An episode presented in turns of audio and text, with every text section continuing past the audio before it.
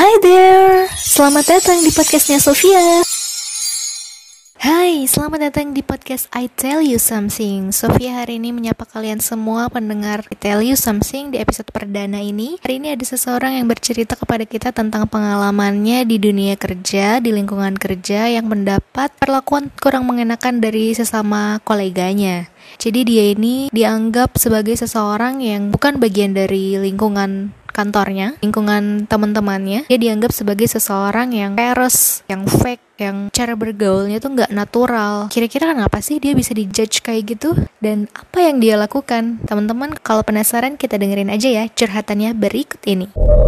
I tell you something, just tell me. BTW nih, hari ini katanya mau sharing yang berkaitan tentang kerjaan ya.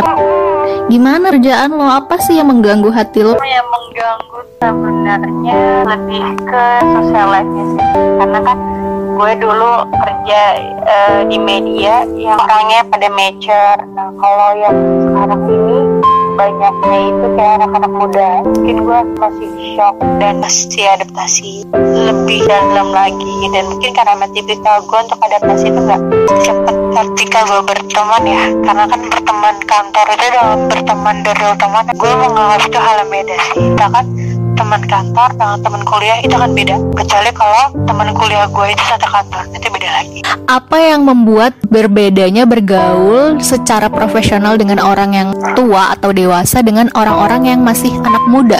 sebenarnya balik lagi sih karena emang tipe kantor yang gue jalanin sekarang itu lebih fleksibel jadi lebih dinamis aja pergerakannya. Karena kan sebelum itu gue kerja di media yang mana TV-nya TV berita salah satu TV berita di Jakarta dan karena emang lo berita jadi cara bergaul lo adalah banyak ngomongin tentang politik current issue apa aja yang lagi hot saat ini. Karena emang udah jadi makanan sehari-hari gue untuk update kayak gitu dan itu udah kewajiban. Gue juga menganggap itu satu hal yang lumrah dan gue gak keberatan. Ketika gue pindah ke TV entertain gue ngerasa gue nggak bisa nih membawa diri gue yang sangat kaku di TV yang dulu ke yang sekarang karena ditambah anak-anak muda isinya jadi mereka lebih dinamis pergerakannya. Tapi di satu sisi gue juga nggak memaksakan diri ini gue dan lo harus terima gue semuanya gitu. Nggak bisa sih. Jadi gue lebih banyak menyesuaikan. Tapi memang porsi menyesuaikannya gue tuh belum begitu banyak banget. Gue berprogres kecuali kalau udah berpolitik atau menghancurkan seseorang dari belakang kalau gue pribadi gue akan santai. Ya yang baik akan tetap jadi yang baik dan baik akan jadi menang. Sekarang dia yang menang atau gue yang kalah duluan. Kalau baik lo akan tetap terkenang jadi orang baik. Lo jahat sama orang lo politik sama orang. Kita lihat aja lo bertahan sampai lama dengan sikap lo kayak gitu. Kalau enggak lo dihancurin sama orang atas perlakuan lo ya lo udah ngancurin diri lo sendiri dengan kelakuan sendiri. Percaya bahwa di mana pun kita kerja pasti ada politik. Tapi gimana cara menyikapinya? Gue pribadi nggak pernah mau ikutan politik di kantor. Sekedar gue dengar sekedar nyampe di telinga gue gue cukup keep dengan diri gue sendiri. Selama itu nggak nyolek gue gue gak akan gerak. Cuman case nya adalah kalau anak muda kadang politiknya itu suka dibumbuin tadinya lo nggak ikutan lo jadi keseret-seret dengan case. Kalau misalkan lo cuma ada di ruangan itu mendengar atau lo sering main sama itu yang padahal lo pengen bermain sama siapa aja ya bakal tetap ada aja omongan setan kalau gue gue datang ke sini gue nggak main-main gue kerja. Gue berteman sama lo semua dan berteman gue sebagai teman kantor. Kalau lo emang beranggapan bahwa gue adalah musuh lo dengan gue berteman dengan public enemy it's up to karena gue nggak pernah punya masalah sama lo berdua dan lo kalau ada salah ya tinggal ngomong. Kau nggak suka lo main sama ini. Ya gue kembali lagi. Lo siapa? Ngatur-ngatur gue bermain tapi nggak begitunya sih karena gue juga mendapatkan sesuatu yang gak enak di kantor. Apa tuh kalau boleh tahu?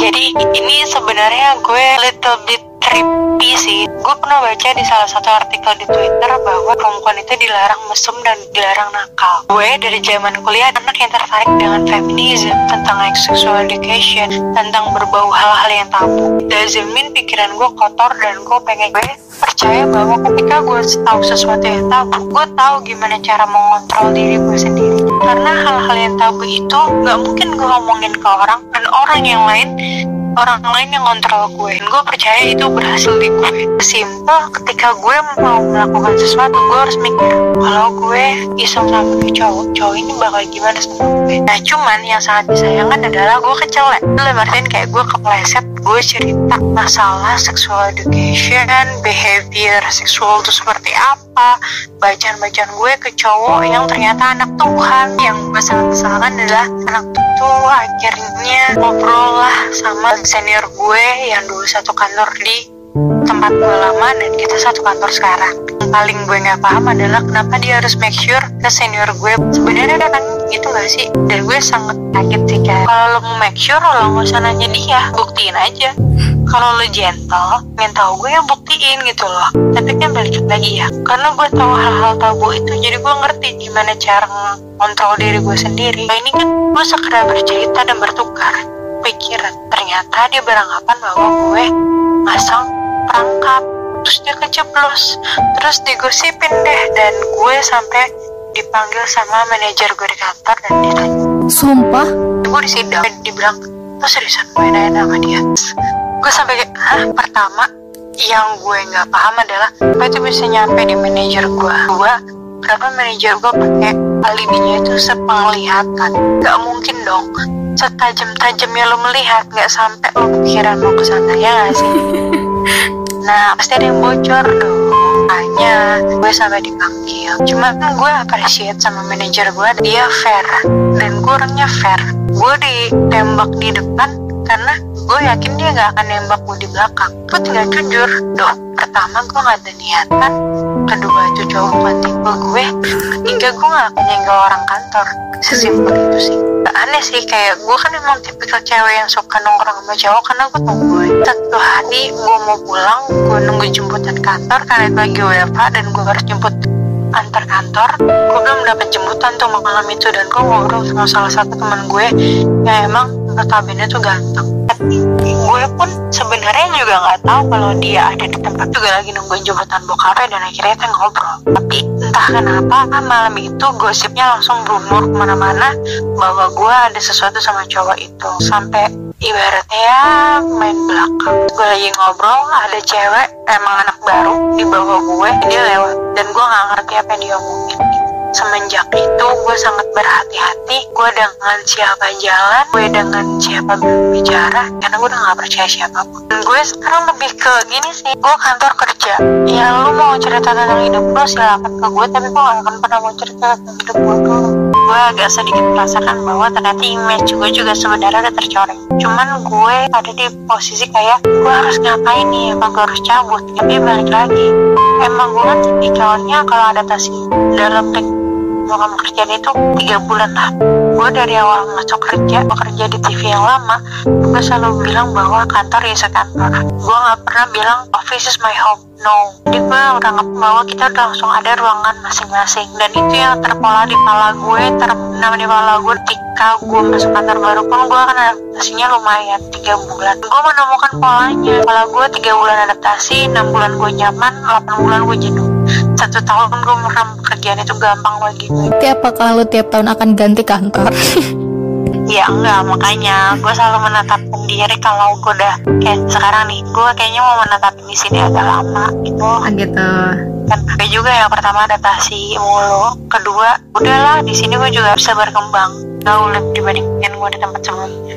Kalau gue pindah ya mungkin udah ya ke tempat yang baru dengan posisi yang baru naik level tahu gue di sini mau dapat promosi. Kalau misalnya tadi kita ngomongin kerjaan lo di luar urusan pekerjaan sebenarnya hubungan lo dengan kolega-kolega di kantor tuh seperti apa sih lo deket gak sih sama mereka atau emang agak ngejaga jarak juga? Sebenarnya kalau di luar kantor gue fan-fan aja sih, baik-baik aja. Cuman gue ngeliat selama ini orang-orang kantor tuh ya udah sekedar lo kantor doang. Di luar kantor ya udah cuman say hi, saya cukupnya aja. Begitu in touch banget sama orang-orang kantor kalau di luar kantor.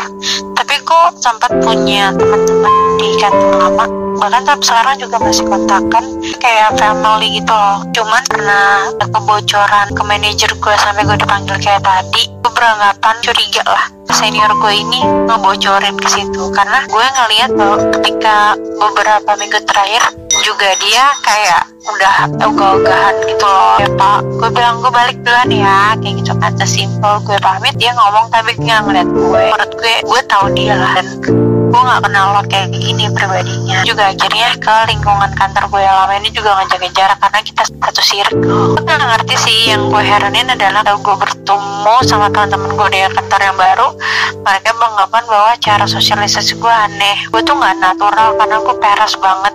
Sampai gue tuh bingung gue nggak natural gue harus natural apalagi ini gue gitu kan? Adalah maksudnya be yourself aja di poin itu. Cuman cara bersosialisasi aneh ya oke okay lah gue akhirnya ngikutin kan. Cuman balik lagi gue kan ketika bukan suka rombongan gue nggak bisa yang ke mana-mana tuh gerombol. Kan ke mana-mana tuh kayak eh kita ini kita gue nggak bisa kayak gitu gue pernah mencoba itu ketika gue di kantor yang lama dan gue kerjanya juga beres. Hmm. bahkan supervisor gue bilang lo tuh udah malas banget semenjak lo kenal main. Kayak berarti emang gue tipikalnya tuh bukan yang bergerombol dan bermain. Karena lo bakal lupa. Aku bakal lupa daratan ya gue gitu player. Bukan. Jadi udah main ngemain aja. Temen kantor lo nganggep lo tuh kayak bukan bagian dari mereka ya karena lo aneh gitu ya. Iya tapi ya gue fine aja sih karena karena sekarang juga mereka akhirnya udah lah nggak ngomongin gue. Yang paling penting adalah gue bukan sedikit bangga sih tapi akhirnya kerja gue juga dilihat direktur gue sampai pernah bilang bukan siang di meja gue tuh potensial. Dan dia ngomong di tengah-tengah meja yang mana ada GM gue, manajer gue, ada GH gue, ada temen-temen yang bilang bahwa gue orangnya nggak natural dan pers. Gue dengan santai nanya siapa? kata gue. Dan senior gue yang bilang lu semua anak akhirnya tahu. Gue konfirmasi dari manajer gue bahwa gue diandelin untuk melanjutin setiap perusahaan tuh pasti butuh struktur kan butuh penerus gue diandelin sebagai penerus cuman gitu bad vibesnya adalah gue dibilang anak gila kerja ambisius. Iya menurut gue wajar sih ketika lo ke kantor untuk bermain ya silakan di kafe. Kalau lo kerja ya di kantor. Jadi intinya seburuk apa pun citra lo di mata orang-orang sekitar lo kayak teman-teman kantor lo. Tapi kalau emang lo kerja bener ya lo bakal dianggap kerja bener gitu ya nggak sih? Iya yes, betul. Ini sih yang kadang gue uh, suka sering banget nemuin banyak anak yang beranggapan bahwa lo tuh ada di lingkungan yang toksik kalau gue walaupun sebenarnya juga ada di dulu ah jadi kesebut dong. Oke tit gitu. Ya udahlah ya. Karena gue di kantor gue yang lama karena gue lama di sana jadi gue juga akhirnya bisa membaur. Mungkin itu yang gue butuhin sekarang di kantor gue yang baru bahwa gue butuh waktu yang lama untuk membaur lebih lebih dekat lagi sama mereka. Gue selalu punya prinsip lah untuk menenangkan pikiran gue. Lo nggak pernah punya hak dan lo gak pernah punya kewajiban untuk menyenangkan banyak orang. So, please, pertama yang paling penting adalah bagian bagian diri lo sendiri dulu, baru orang-orang di sekitar lo. Tapi lo gak punya hak dan lo gak punya kewajiban untuk membahagiakan mereka semuanya. Itu bukan tugas lo. Kalau misalnya emang itu diri lo, ya jadi aja diri lo. Kalau emang lo harus nge-switch diri lo saat itu juga menjadi orang yang mereka mau, sesuaiin aja. Tetap jadi diri lo, tapi ketika diri lo di depan macan diri lo kayak gimana? Tapi di depan kucing diri lo bakal kayak gimana? Lo nganggapnya bahwa itu latihan lo untuk ngerti orang kayak apa ngetrit orang kayak apa. Karena nggak selalu orang itu bisa nerima kita. Tapi setidaknya buat kita nggak memperlihatkan bahwa ini gue ya treat dia seperti yang dia mau. Tapi dengan versi lo. Ya pinter-pinter lo ngebunglon lah ya. Iya pinter-pinter lo ngebunglon. Cuman hubungan yang baik. Jangan sampai lo kayak peres atau kayak gimana. Ternyata lo tusuk dia. Jangan lah but it's up to you sih itu pilihan hidup lo? Tapi ingat kalau ada pisau yang lo tancepin di kepala orang kalau ada pisau lo juga ada pisau lain juga kalau nancep ke kepala lo. Sakit ya gak sih? sakit sadis. Hmm, karena karma udah seksis kayak apa yang lo tanam hari ini lo tua besok. Ada lagi yang mau di sharing sedikit share sama teman-teman yang dengerin podcast ini. Wherever you go whenever you go and whatever it is tetap jadi diri lo dan lo tuh berharga. Kalau kata teman gue di kantor yang sekarang tapi hidup lo malah tak berguna. Tapi kan nggak mungkin ya. Tapi kan nggak mungkin ya lo hidup tuh nggak berguna. Maksud gue adalah tetap lo ngejalanin apa pun itu yang sekarang lo jalanin sekarang bagaimanapun kondisinya mana pun lo pergi dan apa pun itu tetap lakuin karena gue yakin sekecil apa pun yang lo kerjain itu akan berimpact sama diri lo sendiri. Tidak hanya itu gak usah ngomong-ngomong ke orang gak usah yakin bahwa itu akan berubah baik ke orang tapi itu akan berubah baik ke lo. Kayak gitu. Gak usah underestimate diri lo sendiri. Karena lo tuh pemenang. Ya lo gak usah takut kalau yang lo itu salah.